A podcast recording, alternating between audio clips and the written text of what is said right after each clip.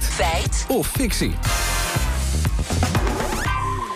En dat gaat lammerd over een modaal inkomen. Ja, schrijver Rutger Bregman zat afgelopen weekend bij Buitenhof. Het ging over bevoorrechte mensen met zeven vinkjes... naar het boek van Joris Luijendijk. En wat die meer kunnen of volgens Bregman moeten doen... om de wereld te verbeteren.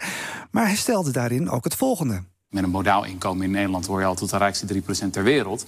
Wat doe je daarmee? Met een modaal inkomen in Nederland behoor je dus tot de rijkste... ik herhaal het nog maar Ja. even. De rijkste 3% En dat- ter wereld, vraagteken. En dat zonder al Ja. die vinkjes. Nou, Ja. we zijn het gaan uitzoeken. Elian Griffioen, onderzoeker koopkracht en armoede... bij het Centraal Planbureau, vertelt ons meer over dat Nederlandse modale inkomen. Het modale inkomen, oftewel het inkomen van Jan Modaal, is het meest voorkomende inkomen in Nederland. Het bruto modale inkomen bedraagt dit jaar 44.000 euro.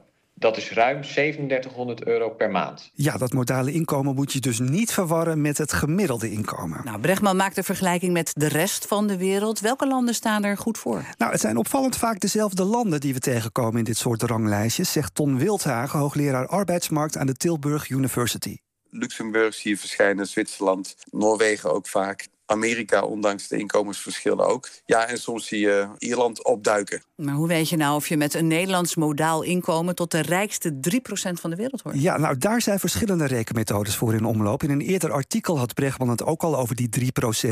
En toen verwees hij zelf naar de How Rich Am I-calculator van de website Giving What We Can.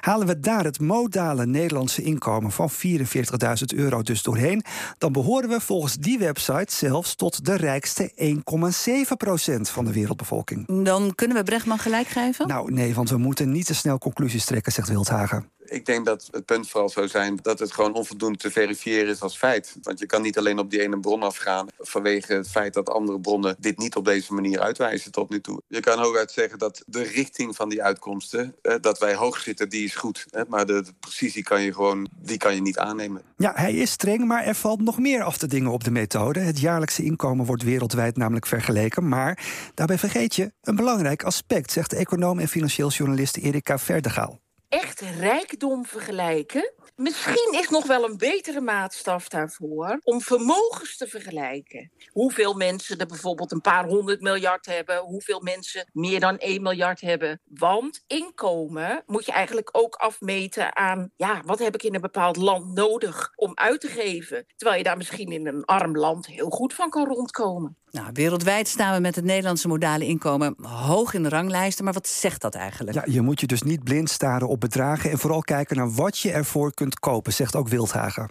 Als je kijkt naar de Nederlandse situatie, dan zegt het natuurlijk dat je op zich niet onderaan staat. Hè? Want het is het, eh het doorsnee inkomen, dat is dan relatief hoog. Maar in de Nederlandse situatie kan je zeggen, oké, als je dan kijkt naar ook eh, de lasten die ook deze inkomens ondervinden de afgelopen tijd. Hè? Dus denk aan de boodschappen en aan de energie. Dan zie je wel dat ook deze groepen onder druk staan. Dus het is voor deze groepen ook niet vanzelfsprekend dat je de financiële zekerheid hebt, eh, of zelfs de bestaanszekerheid die je zou verwachten als je, als je de bedragen hoort. Nou, de Ja, een Nederlander met een modaal inkomen zou dus tot de rijkste 3% van de wereld behoren, volgens Rutger Bregman. Nou, Nederland staat internationaal inderdaad hoog, maar er zijn nogal wat rekenmethodes in de omloop om die bewering van Bregman te toetsen. Omdat ze niet unaniem uitkomen op die 3%, zeggen we de uitspraak is fictie.